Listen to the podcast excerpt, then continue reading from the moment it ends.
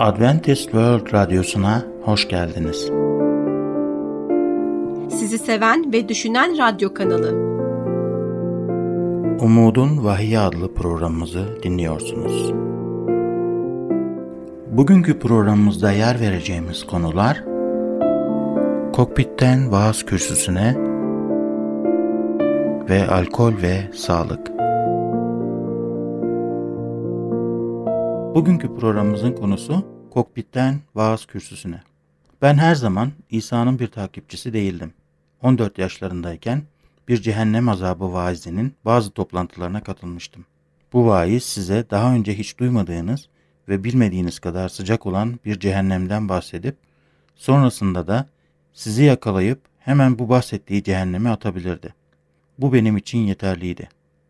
Bu yangın ateşlerinde olmamak için kilisesine katıldım. Buna yangından kaçış dini diyebilirsiniz. Eğer Tanrı'ya sadece cehennem ateşinin korkusundan dolayı hizmet ediyorsanız, sonrasında bu ateş söner ve sizin Tanrı ile olan deneyiminiz de onlarla beraber söner. Benim başıma gelen de tam olarak buydu. Devam etmeden önce herhangi bir sorunuz olursa diye WhatsApp numaramız olan artı 357 99 786 706'yı sizlere hatırlatmak istiyorum.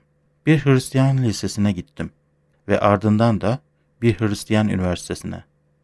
Orada tam olarak Hristiyan üniversitesinin kampüsünde Tanrı'dan uzaklaşmaya başladım. Yatakhanede bazı arkadaşlarımın gelip beni yanlış olduğunu bildiğim bir şeyi yapmaya ikna ettikleri o günü asla unutmayacağım. Bu yanlış şeyin ne olduğunu söylemeyeceğim. Çünkü gerçekten önemli değil.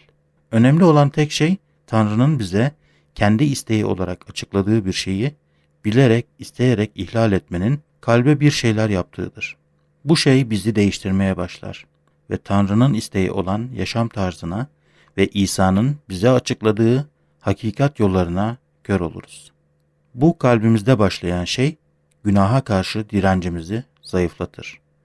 Böylece bir sonraki seferde ayartıldığımızda günaha boyun eğmek bizler için giderek daha da kolay hale gelir. Giderek daha da aşağıya doğru alçalışımda Tanrı'dan tamamen uzaklaşmam sadece bir an meselesiydi. Ve evet sonrasında bu oldu. Tanrı'dan tamamen uzaklaştım. Artık ona ihtiyacım kalmamıştı. Üniversiteden mezun olduğumda dinin yalnızca zayıf insanlar için uygun olduğunu düşünüyordum. Bana göre bir şey değildi hayatımı kendi başıma idare edebilirdim. Koltuk değneklerine ihtiyacım yoktu. Kimseye yaslanmaya ihtiyacım yoktu. Hava kuvvetlerine katıldım ve uçuş okulundan sonra bir B-52 bomba kanadına atandım ve Vietnam'da 105 savaş görevinde uçtum. Tanrı'ya ihtiyacım yoktu. İlk görevlerimiz nispeten güvenliydi ve Güney Vietnam'daki hedefleri vuruyorduk. Fakat ilk defa hedefimizin Kuzey Vietnam'a doğru çevrildiğini ve savaşçılar ve füzeler tarafından savunulan bir alana girmek üzere olduğumuzu hatırlıyorum. Kabul etmem gerekiyor ki bu korkusuz adam artık korkmaya başlamıştı. Hedefe yaklaştıkça daha da çok korkuyordum. O füzelerin bizi bir anda havaya uçurabileceğini fark etmiştim. İyi bir insan olabilirdim fakat bildiğim bir şey vardı ki o da ölmeye hazır değildim. Sonunda sessizce Tanrı'ya fısıldayarak şöyle dua ettim. Tanrım, beni bu karmaşadan kurtarırsan sana söz veriyorum iyi birisi olacağım. Evet, sonrasında Tanrı beni o karmaşadan kurtardı. Geri dönmeyi başardık. Fakat Tanrı ile yaptığım pazarlığım kendi payıma düşen kısmını tutmayacağımı biliyordum. Ve öyle de oldu. Yere iner inmez Tanrı ile yaptığım o küçük anlaşmayı unuttum. Memurlar kulübüne geri döndüm. İçip Sanki bu olay hiç yaşanmamış gibi hayatıma devam ettim. Sonuçta bir insandım ve Tanrı'nın yardımına daha fazla ihtiyacım yoktu. Harika bir insan olabileceğimi kendime ve çevreme kanıtlamak istiyordum. O zamanlar öyle görünüyordu ki bunu bu dünyada da yapmanın tek yolu bol bol para kazanmaktı. Bu çocuk oyuncağıydı. Orduda zengin olamayacağımı biliyordum. Bu yüzden 5 yıl sonra hava kuvvetlerinden ayrıldım ve Wall Street'in en büyük şirketlerinden biri olan Payne, Weber Jackson ve Curtis için borsacı oldum. Kısa sürede iş dünyasının bir savaştan daha fazla olmasa da en az savaş kadar vahşi olabileceğini öğrendim. Başarılı olabilmek için başarılı görünmek, başarılı gibi davranmak, başarılı görünen bir arabaya binmek ve başarılı görünen bir evde yaşamak gerekiyordu. Başarılı insanlarla haşır neşir olmalı ve bunu yapmak için de bol miktarda paranızın olması gerekiyordu. Yani bu imajı korumak için neredeyse kazandığımdan daha da fazlasını harcıyordum. Ve daha sonrasında daha da çok para kazanabilmek, iyi bir imaj sağlamak, doğru insanlarla iletişim kurabilmek için daha da çok çalışmaya başladım. Böylece bir servete sahip olabilirdim. İletişim kurduğum insanlardan bazılarını dışarıdan bakıldığı zaman bir insanın bu dünyada sahip olabileceği her şeye sahipmiş gibi görünen o insanları asla unutamayacağım. Bu insanlar servetlerini iş, inşaat, petrol ve bunun gibi şeylerle kazanmışlardı. Güzel ailelerle beraber muhteşem evlerde yaşıyorlardı ve bir insanın isteyebileceği tüm para ve lükslere sahiptiler. Ancak yine de mutluluk ve yaşam amacı aramak için alkole, uyuşturucuya ve ahlaksızlığa gidiyorlardı. Çok güzel aileleri olmalarına rağmen eşlerine aldatıyor ve yanlış yollarda ilerliyorlardı. Eksik bir şeyler vardı ve bunun ne olduğunu kendim için öğrenmeye başlıyordum. İşler iyiydi ve kazancım artıyordu. Zirveye doğru yoldaydım. Ama bir şeylerin hayatımda eksik olduğuna dair tuhaf, huzursuz bir duyguyu yaşamaya başladım. Ve bazen düşüncelerimle evde tek başınayken bütün bu hayatın neyle ilgili olduğunu sorgulamaya başlardım. Bütün bu parayı kazandıktan sonra ne yapacaksın Jack? Sen de diğerleri gibi olacak mısın? Hayatta para kazanmaktan başka şeyler var mı? Hayatta para kazanmaktan başka şeyler var mı? Hayatın bir amacı var mı? Bu düşünceler beni rahatsız etmeye başlıyordu. Bu yüzden daha da fazla çalışmaya ve kendimi her gün daha da fazla yormaya başladım. İçimdeki boşluğu doldurmanın ve gerçek hislerimi bir şekilde bastırmaya çalışmanın bir yolunu aradım. Daha fazla içmeye, uyuşturucu denemeye, sakinleştiriciler almaya ve üzerimde hissettiğim baskı ve acıyı hafifletebilmek için yapabileceğim her şeyi yapmaya başladım. Şu eski sözü bilirsiniz. Gerçek bir insan asla hislerini belli etmez. İnsanların gerçekten nasıl hissettiğinizi bilmelerine izin verirseniz bu bir zayıflık işaretidir. Bu yüzden her şeyi içinize atmanız gereklidir. Kısa bir süre sonra artık insanların etrafında olmak istemediğim bir noktaya geldim. Çünkü bir şekilde kayıp içinde bulunduğum kalbimdeki ve zihnimdeki korkunç mücadeleyi fark etmelerine sebep olabilirdim. Ailemden de uzak duruyordum. Çünkü onların bildikleri kadarıyla her şey iyi gidiyordu. Jack zirveye doğru gidiyordu. Kısa bir süre sonra üzerimde hissettiğim baskı artık taşıyamayacağım bir seviyeye geldi. Döneceğim kimsem yoktu. Yalnızdım. Arkadaşlarıma sırtımı döndüm. Aileme sırtımı döndüm ve Tanrı'ya sırtımı döndüm. Yalnızdım ve sadece ölmek istiyordum. Sonra biraz uzaklaşıp, rahatlayıp, ara vermem gerektiğine ve geri döndüğümde her şeyin yolunda gideceğine karar verdim. Bu yüzden iki haftalık bir tatile çıkmaya karar verdim. Kafamdaki tek soru nereye gideceğimdi. Jamaika'da tüplü dalış yapmayı seviyordum. Fakat bu defa bir seyahat acentesinin penceresindeki Tahiti seni çağırıyor tabelasını görmüştüm. Hep Tahiti'ye gitmeyi istemiştim. Fakat şimdi biliyorum ki burada Rab benim hayatımda çalışmaya başlamıştı. Beni çağıran Rab'di. Tanrı benim Karayiplere gitmemi istememişti. Tanrı benim Tahiti'ye gitmemi istemişti. Çünkü yolda durmamı istediği bir durak vardı. Bu yüzden biletimi aldım ve Tahiti'deki Kulüp Met'te rezervasyon yaptırdım. Los Angeles'ta durdum ve gittiğim Hristiyan Üniversitesi'nden tanıdığım bazı arkadaşlarımla birkaç gün geçirdim. Bu arkadaşlarımın evindeyken bir kitap alıp göz atmaya başladım. Kitabın adı Gezegendeki İsyan idi ve bir TV'deki bir müjdeci olan George Vandeman tarafından yazılmıştı. Bu kitabın bir bilim kurgu kitabı olduğunu düşünmüştüm. Fakat aslında bu kitap dini bir kitaptı. Dini şeylerle ilgileneceğimi hiç hayal etmemiştim. Fakat bu kitap dikkatimi çekmişti. Ve ilk birkaç bölümünü okuduktan sonra boş zamanım olursa da okumak istersem diye Tahiti'ye götürmeye karar verdim. Tabii ki arkadaşlarım böyle bir kitap okumak istememi çok şaşırmışlardı. Bu kitabı okumam için bana vermekten oldukça mutlu oldular. Bu yüzden bavulumda Gezegendeki İsyan kitabı ile beraber Tahiti'ye giden büyük jete bindim. Devam etmeden önce herhangi bir sorunuz olursa diye WhatsApp numaramız olan artı 357 99 786 706'yı sizlere hatırlatmak istiyorum.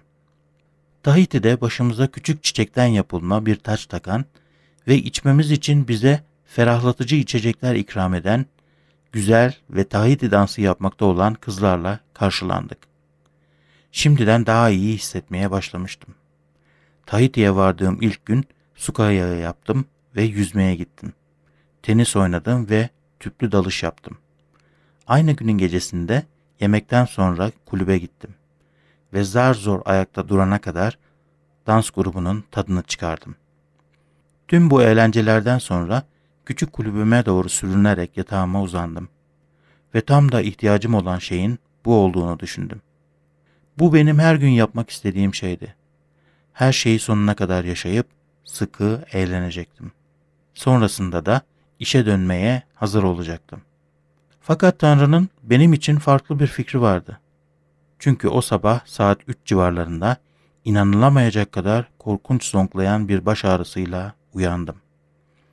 Her iki kulağımda enfeksiyon kapmıştı. Bunun acısını ancak daha önce kulak enfeksiyonu geçirmiş olan biri anlayabilirdi. Yatakta öylece yatmak bile canımı acıtıyordu. Kalktım ve etrafta dolaşmaya çalıştım. Fakat bu da canımın acısını hiç geçirmiyordu. Ne yapacağımı bilmeden dışarı çıktım ve saat 7'de revir açılıncaya kadar sahilde bir aşağı bir yukarı yürüdüm durdum. Doktor kulaklarıma bir kez baktı ve Fransızca bir şeyler söyledi. Neyse ki hemşire sözlerini bana tercüme etmişti. Su yok, sudan uzak durun. Su yok demek, yüzme, kayak, tüplü dalış yok demekti. Buraya dalmaya gelmiştim fakat ayaklarımı bile ıslatamayacaktım. Daha sonrasında tenis oynamayı denedim. Fakat attığım her adım bir ıstırap gibiydi. Yapabileceğim tek şey kalmıştı. O da küçük kulübemde yatağıma uzanıp İsyandaki Gezegen adlı kitabı okumaktı. Okumaya başladım. Ve Getsemene'de İsa ile ilgili bir bölüme kadar geldim. İsa'nın günahlarım için nasıl suçlu olduğunu okudum. Ve o gece Getsemane bahçesinde benim yüzümden çektiği ıstırabı ve acıyı okudum. Düşünmeye başladım. Evet, şimdi gerçek bir adam vardı. Hayatımda ilk defa gerçek sevginin ne anlama geldiğine dair küçük bir fikir yakalamaya başlamıştım. Sevgi hakkında hiçbir şey bilmiyordum. Sevginin istediğimi, istediğim anda elde etmek anlamına geldiğini düşünüyordum. Fakat orada İsa hakkındaki bu küçük kitabı ve onun benim için yaptıklarını okurken olayları farklı bir şekilde görmeye başladım. Okumaya devam ederken Golgota ile ilgili hikayeye geldim ve bütün bu sahne aklımda o kadar netti ki sanki oradaydım. İsa'nın o tepeye sendelediğini, daha fazla taşıyamayana kadar omuzlarında haçı taşıdığını gördüm. Haçı yere yatırıp onun bedenini haçın üzerine atıp onu haça nasıl gerdiklerini görebiliyordum. Romalı askerler o büyük çivileri alıp onun iyileştiren, seven ellerine çakarken onun acı içindeki kıvranışını görebiliyordum. Askerler haçı kaldırdığında onun o acı içindeki haykırışını duydum ve sonra gökyüzüne baktım ve İsa'yı orada gördüm. Dikenli taç yüzünden akan kanları gördüm. Göğsünden aşağı, ayağından yerdeki o havuza akan kanları gördüm. Benim günahlarım için. Ve yukarı doğru baktığımda sanki İsa tam orada duruyor, bana bakıyordu. Ve şöyle diyordu. Bağışla onu baba, çünkü ne yaptığını bilmiyor. Bu kadarı yeterliydi. Orada küçük kulübemde Tahiti'deki yatağımın yanında diz çöktüm. Ve Tanrım sen kazandın. Pes ediyorum. Bu sefil hayatta bir şey yapmış olan birisi varsa o da sensin. Ben yapamazdım. Ve Tanrım her ne olursa olsun benden ne yapmamı istersen bana bir işaret ver. Bana göster. Ben de onu yapacağım. Bundan sonra sanki omuzlarımdan bir yük kalkmış gibiydi. Ve tam orada Tahiti'de yeni bir insan, yeni bir yaratık oldum. Bildiğim kadarıyla bu gezegende Met Kulüp'te kurtarılan tek kişi bendim. Amerika'ya döndükten sonra borsacı olmaktan artık mutlu olamayacağımı fark etmem çok uzun sürmedi. Borsacı olmakta yanlış bir şey olduğundan değil, Tanrı'nın benim yapmamı istediği başka bir şey olduğunu düşünüyordum. Fakat neydi? Dua ettim. Tanrım, ne yapmamı istersen yapacağım. Sen sadece o kapıyı bana aç. Ben de o kapıdan gideceğim. Bir gün dua ettikten çok kısa bir süre sonra kilisemde vaaz vermekte olan bir müjdeciyi duydum ve bunun Rabbin bana olan çağrısı olduğunu hissettim. Tanrı'nın benden müjdeci olmamı istediğini ve benim için ne yaptığını diğer insanlara da anlatmamı istediğini hissettim.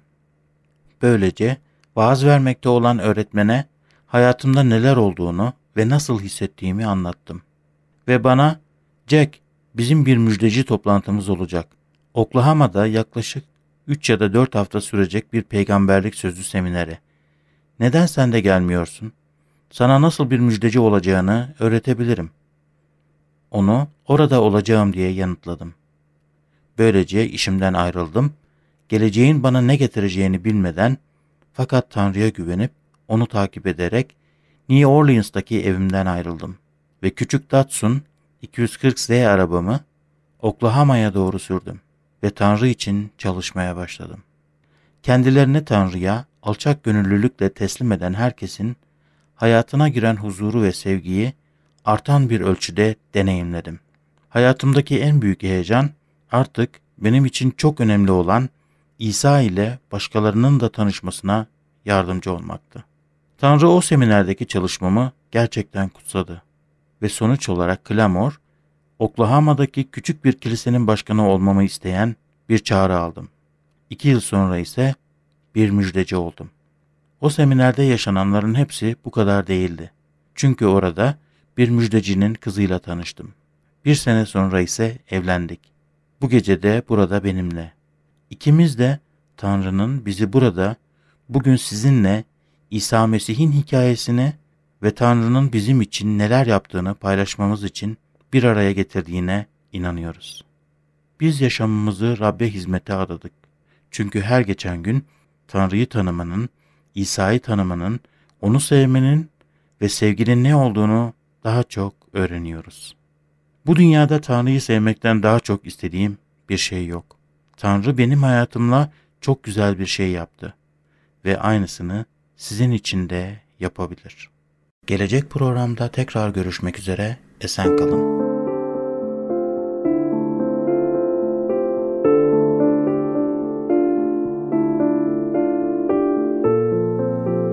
Merhaba değerli dinleyicilerimiz. Programımıza hoş geldiniz. Bugünkü konumuz alkol ve sağlık. Evet, bu alkolle ilgili ikinci bölümümüz ve bu bölümü birkaç tane daha takip edecek ve alkol konusu üzerinde hem halk sağlığı yetkililerin hem de bizim bu kadar durmamız aslında alkolün sosyal güvenlik ve uyuma verdiği zararın bir göstergesidir. Konumuza devam etmeden önce konumuza dair herhangi bir sorunuz olursa diye WhatsApp numaramız olan artı 357 99 786 706'yı sizlere hatırlatmak istiyorum. Evet, son birkaç yıldır sağlıklı bir kan dolaşımı için belirli miktarda alkolün faydalı olduğunu öne süren raporlar büyük ilgi görmekte. Fakat ne yazık ki alkolün sağlık üzerindeki feci sonuçlarını ortaya koyan raporlar bu kadar ilgi görmüyor. Bugünkü programımızda alkol ve toplumumuzdaki en ölümcül hastalık olan kanser arasındaki kanıtlanmış ilişkiden bahsedeceğiz. Alkol ve kanser. Evet, kanser dünya çapında önde gelen ölüm nedenlerinden biridir. Alkol içmek ve kanser arasındaki ilişkinin ilginç bir örneği kanserin ikinci en yaygın ölüm nedeni olduğu ve her yıl 2,5 milyon kişiye kanser teşhisi konulduğu Avrupa Birliği'nden geliyor. Erkeklerde kanserlerin %10'unun ve kadınlarda %3'ünün doğrudan alkol kullanımına bağlanabileceği tahmin edilmekte. Ayrıca dünyanın bu bölgesindeki kanserlerin %30'unun daha sağlıklı yaşam tarzı seçimleriyle önlenebileceği de yapılan bu tahminler arasında yer almaktadır. Ancak 2010'daki Avrobarometer raporu 5 Avrupa vatandaşından birinin alkol ve kanser arasında bir ilişki olduğuna inanmadığını ortaya koydu.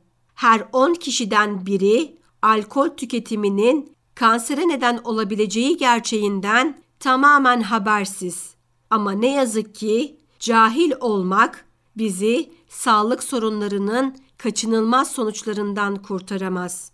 Evet, alkol kadınlarda meme kanseri ve erkeklerde hem de kadınlarda kolon kanserinin bir nedeni olarak ilişkilendiren sağlam kanıtlar vardır.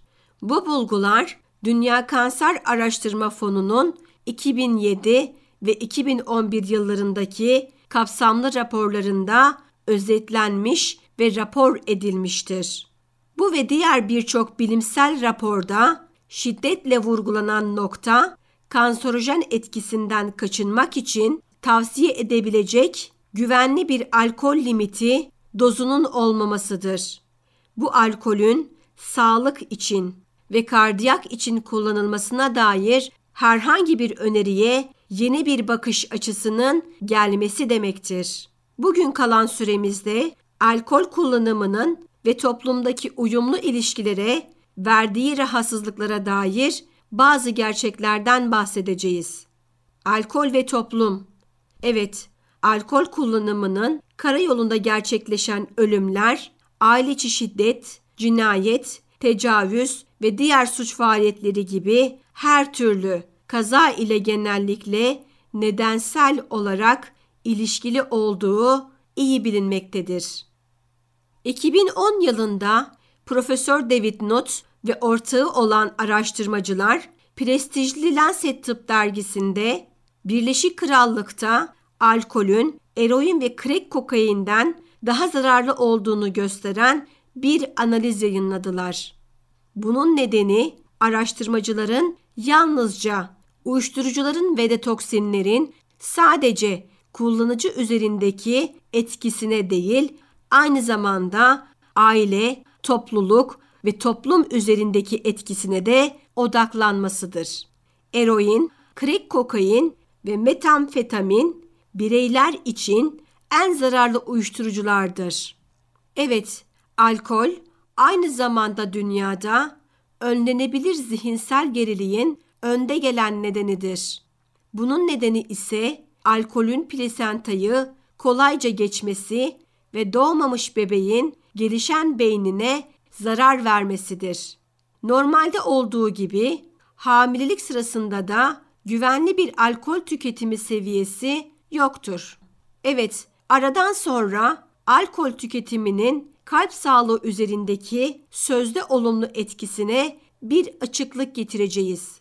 Bizi dinlemeye devam edin. Evet değerli dinleyicilerimiz, devam etmeden önce konumuza dair herhangi bir sorunuz olursa WhatsApp numaramız olan artı 357 99 786 706'yı sizlere hatırlatmak istiyorum. Evet, daha önce hiç bazı tıbbi araştırmaların alkolün kalp ve dolaşım sistemi sağlığını koruduğunu gösteren araştırmaları duydunuz veya okudunuz mu? Bilgiye dayalı kararlar vermeniz için gerçekleri göstereceğiz. Evet, alkol ve kalp sağlığı. Son 30 yıldır alkol, kalp sağlığı ve koroner arter hastalığına karşı koruyucu olarak tanıtılmakta. Konuyla ilgili popüler ve bilimsel literatürde çok şey yazıldı. Tüm bilimsel çalışmalar geriye dönük analizlerdir ve bu da onları kafa karıştırıcı olarak bilinen şeylere tabi kılar. Kafa karıştırıcılar, analiz edilen verilerin sonuçlarının yorumlanmasını zorlaştıran faktörlerdir ve ayrıca hatalı sonuçlara neden olabilir. Naimi ve diğerleri 2005 yılında orta derecede alkol tüketiminin kardiyak koruyucu etkilerinin bir kısmının veya tamamının bu kafa karıştırıcılardan kaynaklanabileceği sonucuna varmışlardır.